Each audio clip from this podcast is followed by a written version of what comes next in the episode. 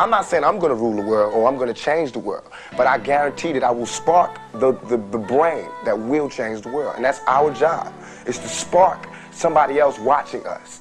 Jij bent op de wereld gezet met oneindig veel potentie. En alles wat je nodig hebt zit al in je. Het enige wat je hoeft te doen, is naar durven kijken. Dit is de Held en de Spiegel podcast.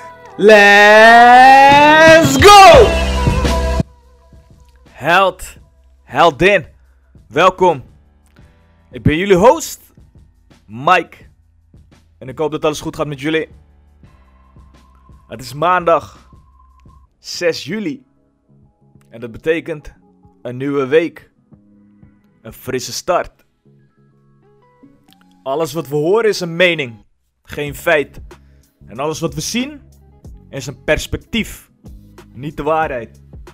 Marcus Aurelius. Niemand ervaart de wereld hetzelfde. We nemen namelijk onze persoonlijke versie van de realiteit waar. En dat is waar ik eh, vandaag over wil praten. Ik was voor het eerst in mijn leven in een ver land. In mijn eentje met een backpack. Ik was in de Filipijnen. En de Filipijnen bestaat uit 7000, meer dan 7000 uh, eilandjes. De zon scheen fel en voelde warm op mijn inmiddels bruine huid. De zeewind die af en toe voorbij blies, die zorgde voor afkoeling. Ik lag op het dek van onze boot, uit te rusten en na te genieten van het avontuur wat ik deze dagen had meegemaakt. Vier nachten van eiland naar eiland. En alles was voor mij een nieuwe ervaring. Alsof ik een kind was die voor het eerst naar school mocht. Maar daar lag ik. Op de Tao. De boot waar vriendschappen zijn ontstaan. Met de Filipijnse crew. En met mijn medereizigers. Een Spaanse skater. Een pasgetrouwd stel. Die een huwelijksreis aan het maken waren. Een blond meisje uit Amerika die al maanden aan het reizen was. Een Duitse jongen met een paardenstaart en tatoeages. Die zijn baan heeft uh, opgezegd. En nu al zes maanden aan het reizen was. Een groep vrienden uit Australië die vakantie hadden. Een Canadese man met een baard.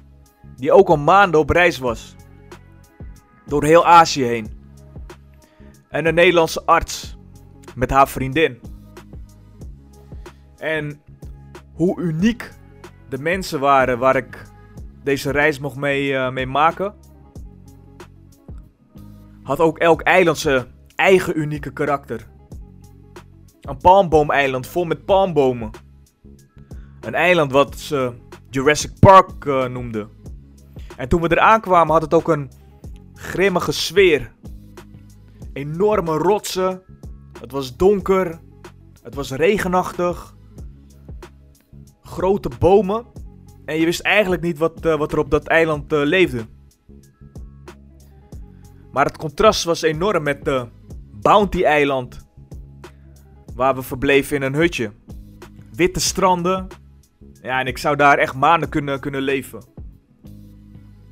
Maar nu lag ik op het dek van de Tao richting El Nido. En ze hadden gezegd: El Nido is the place to be. Dat is de plek op Palawan. En ik had niets geboekt. Ik had geen verblijf. En ik was volledig uit mijn comfortzone. Niet weten wat het vervolg van mijn reis zou zijn. Ik liet me meeslepen door het leven en eigenlijk het lot. En terwijl ik aan het dagdromen was, was de crew zich inmiddels aan het klaarmaken om de haven van El Nido binnen te varen. En de haven lag bezaaid met bootjes, vissersbootjes, maar ook bootjes waarmee ze toeristen van eiland naar eiland uh, brachten om een uh, tour te doen. Ik zag enorme limestone uh, rotsen. Zwarte gebergten met scherpe punten. Dat is het landschap van, van de Filipijnen. Ik zag ook in de verte zag ik de stad. En de stad was nog rauw. Niet te veel toeristen, maar genoeg om het levendig te, te maken. En toen dacht ik, ja, dit wordt een, uh, een mooi avontuur. Hier wil ik wel een paar dagen blijven. En toen ik afscheid had genomen van de crew, afscheid had genomen van, eh, van de mensen waarmee eh, ik vier eh, nachten mee had gespendeerd, ging ik met een drietal ging ik, op zoek naar onderdak. Dat was onze missie. En het begon al donker te worden. En ik begon hem steeds meer te stressen. En denk van, oh, zometeen hebben we helemaal niks. En moeten we buiten slapen. Ik vertrouwde op de ervaring van mijn medereizigers. En na een zoektocht kwamen we aan bij een hostel. En ik weet nog dat de eigenaar vertelde, ja, ik heb nog plek. Alleen jullie twee. En hij wees naar mij en de Duitser. Jullie moeten op één kamer slapen. En ik dacht nog, geen issue, want ik heb onderdak. Daar ben ik al blij mee. Dus vervolgens gingen we naar de kamer. De kamerdeur ging open en toen dacht ik... Hoe heeft hij binnen no time van een bezemkast een kamer gemaakt? Er stonden twee bedden vlak bij elkaar. Met nog wel even een klein stukje ruimte om daar een tas neer te zetten. En voor de rest helemaal niks. En ik dacht...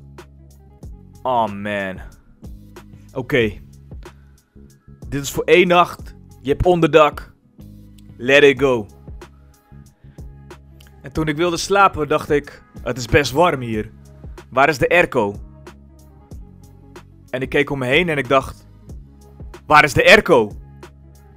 Er was gewoon helemaal niks. De kamer was een sauna. En ik keek naar mijn kamergenoot, maar die lag al in slaap. En ik dacht: Nee, nee, dit kan ik niet. En ik ben vervolgens ben ik de kamer uitgestapt en ik ben naar buiten gegaan om een frisse neus te halen. En ik zat daar in mijn eentje aan de bar. En toen dacht ik: Wat is het eigenlijk wat ik eh, wil gaan doen? Wat staat er op mijn bucketlist? En ik pakte een foto. En die foto was gemaakt op de Tara Cliff. Het meest toeristische puntje waar je op een rots over heel El Nido kan, eh, kan uitkijken. En toen dacht ik, ja, dit is het eerste wat ik hier wil gaan, eh, gaan doen op het moment dat ik uit deze hel eh, kom. En net dat ik aan het nadenken was van, oké, wat ga ik nog meer doen? kwam er een meisje die vroeg of ze bij me kon zitten. En ik dacht, geen big deal. Er is helemaal niks te doen. Het is laat in de avond, ik kan niet slapen.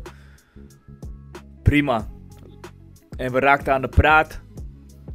Het bleek dat ze uit, eh, uit Rusland eh, kwam. En ze bleef maar praten. Maar wat ze me vertelde op een gegeven moment. Is dat ze Rusland was ontsnapt.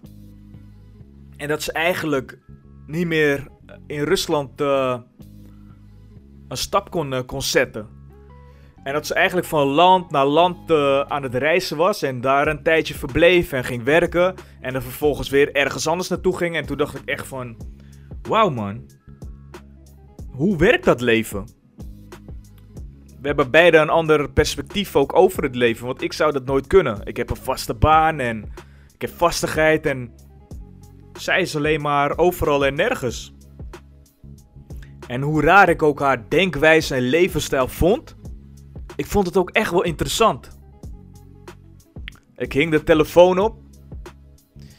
Ik had zojuist te horen gekregen van een onbekende man. Die met het nummer belde van mijn vriendin. Dat hij ook de vriend was. Van mijn vriendin. Een dubbel leven. Aan de ene kant was ik al het vertrouwen in de mensheid kwijt. En aan de andere kant was ik opgelucht. Opgelucht dat eindelijk de waarheid naar boven was uh, gekomen. Na alle signalen die ik had genegeerd,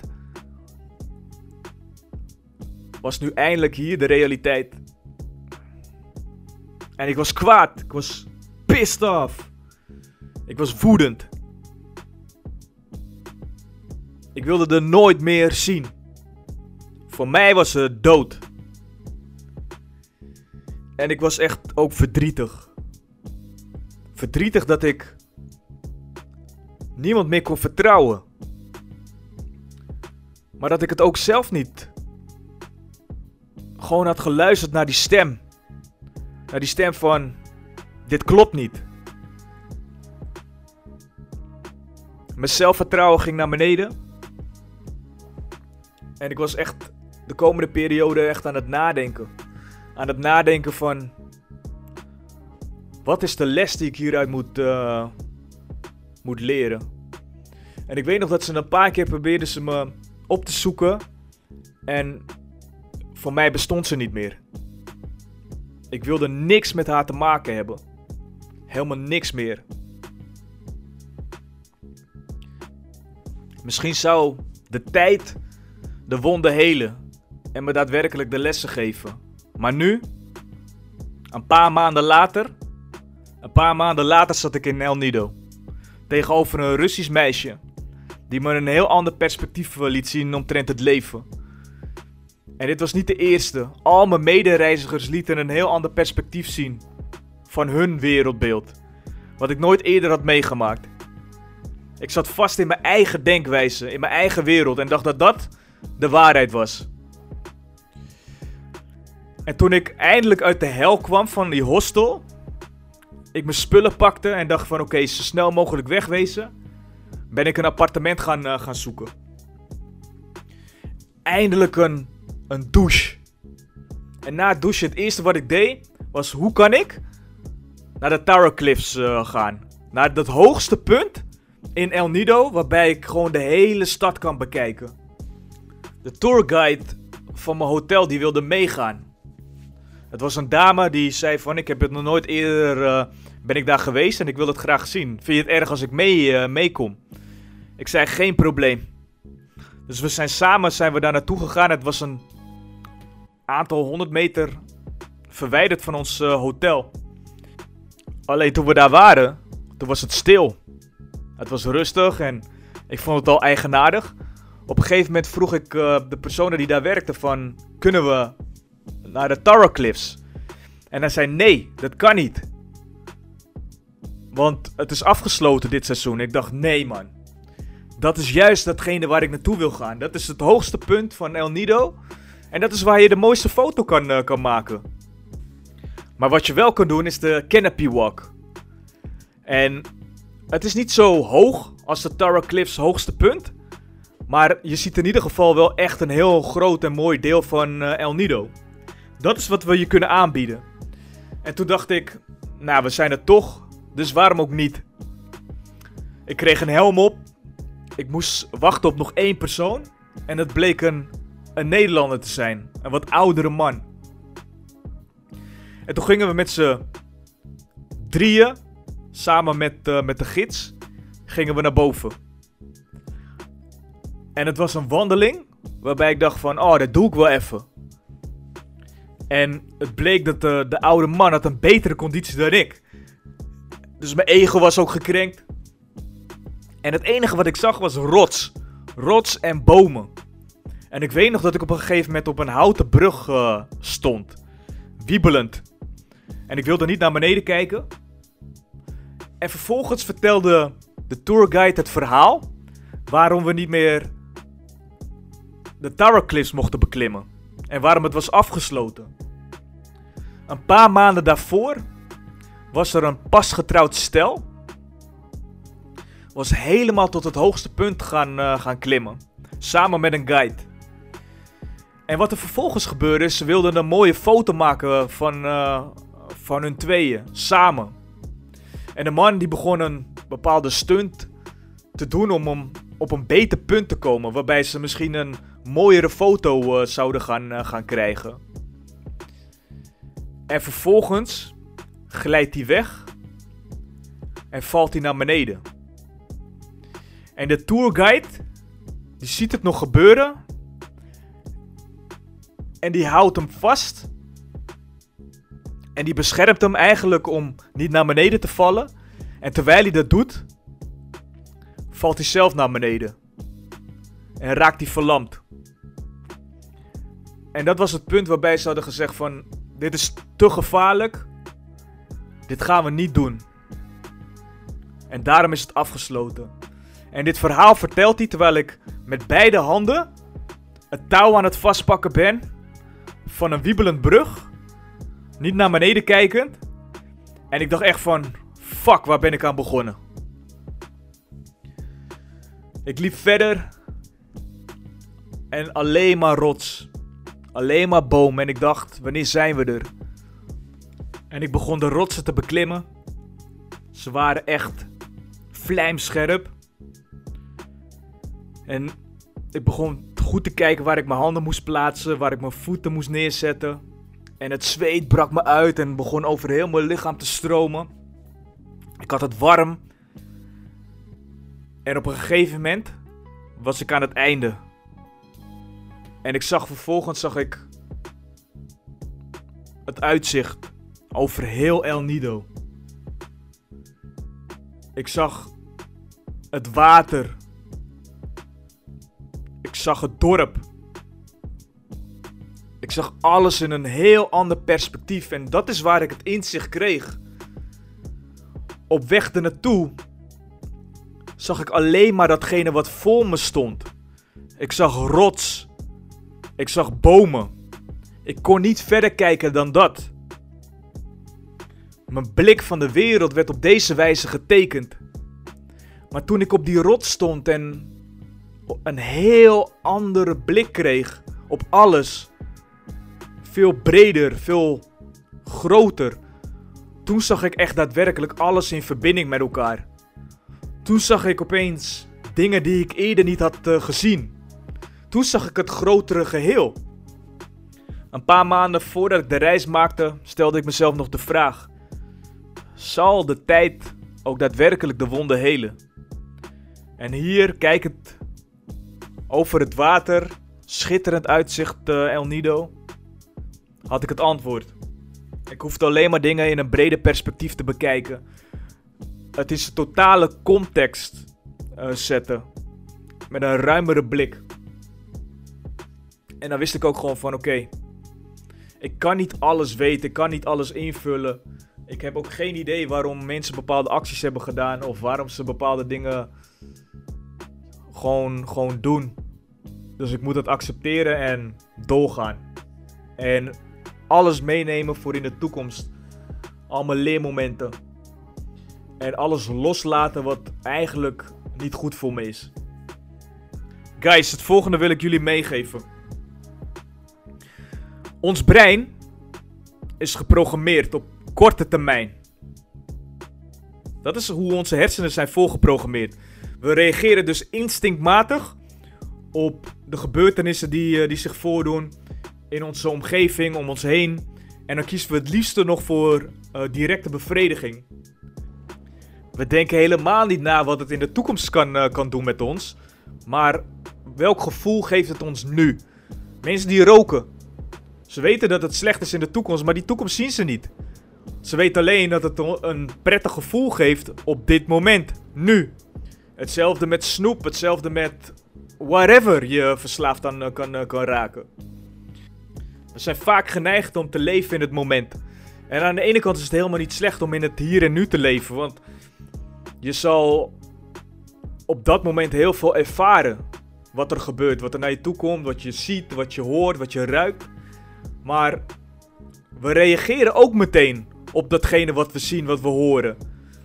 Voornamelijk als het gaat om bijvoorbeeld uh, problematische uh, gebeurtenissen of andere gebeurtenissen die niet, uh, niet fijn zijn. Het is meteen een reactie. Als onze vriendin de telefoon niet opneemt op het moment dat we bellen, nog een keer bellen, nog een keer bellen, en ze laat al een tijdje niks van, van zich horen, dan gaan we meteen handelen. We gaan meteen dingen denken. Hetzelfde geldt Soms reageren we te overdreven of te ongeduldig. En we zien dat pas achteraf. Want dan ga je gedragspatronen herkennen die op het moment zelf, wanneer je bepaalde dingen aan het denken bent of wanneer je bepaalde dingen meteen in actie uitzet, ja, je gewoon ontgaat omdat je ze niet ziet. Je ziet alleen maar datgene wat op dat moment zich voordoet. Precies het verhaal wat ik je vertelde over die rots. Ik zie alleen maar die rots, ik zie alleen maar die bomen. En pas later wordt het me heel duidelijk wat ik nog meer allemaal uh, heb, uh, heb gezien en waar het naartoe leidt. Maar op het moment zelf ontbreekt het perspectief. En met de tijd zal je meer informatie krijgen, bepaalde stukken ehm, zal je in elkaar zetten als een, als een puzzel. En dan zal de waarheid ook steeds meer geopenbaard worden. We zien de dingen pas echt wanneer we afstand nemen. Wanneer je je blik verruimt. En soms moet je je gewoon losmaken van alles wat er eh, gebeurt. Even afstand nemen. Niet overal meteen op reageren, maar gewoon een stapje terug doen. En dan ja, de dingen echt in een breder perspectief gaan, uh, gaan zien. Maar wel dat je het doel voor ogen blijft, uh, blijft houden. Er was een moment waarbij er een uh, bezettingstekort was. De capaciteit klopte niet helemaal. Waarbij er een probleem was uh, in de operatie. En dat had te maken met, uh, met de leidinggevende.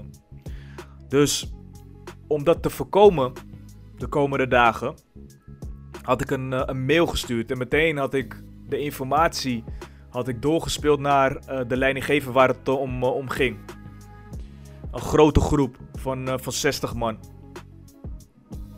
Ik kreeg opeens kreeg ik een mailtje. Waarbij die persoon van alles erbij haalde. Waarbij ik dacht van. Ik snap het niet. Want ik ben het nu aan het, uh, aan het regelen voor, uh, voor een ieder. Waardoor er een betere bezetting komt. Waardoor, er, waardoor jullie minder in de problemen komen. Alleen hij had een andere mening daarover. En hij wilde dat eventjes vertellen aan me. En toen dacht ik, het eerste was het animale wat er in me opkwam. Dat korte termijn van, uh, van, van mijn hersenen. Ik wilde meteen reageren. Ik was ongeduldig. Ik was... Ik dacht van, luister. Ik weet niet wat je allemaal uh, uh, zegt. En welke woorden je me in, in de mond probeert te, te leggen. Maar ja, het irriteert me. En ik ga het je laten weten ook. Ik, ik wil je op je plek zetten. Dat is het eerste wat ik dacht. En op een gegeven moment dacht ik van oké, wat was mijn doel ook alweer? Mijn doel was de bezetting uh, voor de komende dagen gewoon op orde hebben voor, uh, voor de leidinggevende. En wat heb ik nu meer te doen? Afstand creëren. Losmaken van de gebeurtenis, die mail. En gewoon alles rustig in het perspectief blijven zetten. Stapje terug doen de dingen in een breder verband te bekijken. En eigenlijk daarna helemaal niets doen. Niet reageren. Het gewoon laten. En gewoon kijken wat de, de tijd vervolgens gaat, uh, gaat doen. En de uitkomst afwachten. En vervolgens werd alles geregeld door, door de planning. Ik heb niet meer gereageerd op de mail en alles verliep vlekkeloos. Vroeger, vroeger, stonden we bij het passagiersfilter als supervisor.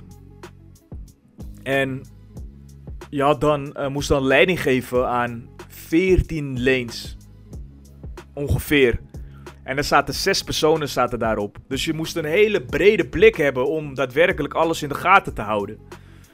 Alleen als je daar elke dag uh, staat, dan verruim je ook je, je blik. Je ziet precies wat er gebeurt en wat er afwijkt.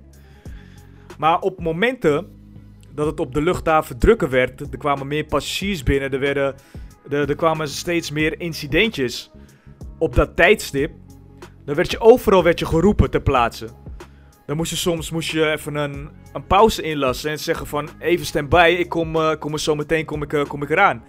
Maar het kon zo zijn dat je op een gegeven moment vier meldingen had, waardoor je het overzicht uh, kwijtraakte. Je werd er helemaal ingezogen in de operatie. En je was niet meer de supervisor die op dat moment het overzicht uh, behield. En echt alles kon, uh, kon zien. Dus wat je te doen had, was van het filter afgaan en daarachter staan om, om het te bekijken. En dan na te denken van oké, rust. Wat is nu het eerste wat je zou, uh, zou moeten doen? Wat is het tweede? Wat is het derde? In die volgordes werken. Hoe ga je weer de grip krijgen op het filter? Welke acties moet je nu dan, uh, dan ondernemen? En wat heb je te doen dat deze situatie niet meer voorkomt? Heb je je rust? Zie je alles weer gaan? Het is het losmaken van de stroom. Van de stroom der gebeurtenissen die er op dat moment uh, gebeuren. Want je reageert overal op, terwijl je eigenlijk een stapje terug uh, te maken hebt. Guys, ik wens jullie nog heel veel groei. Maak er een mooie week van. Ik ga jullie spreken. En peace!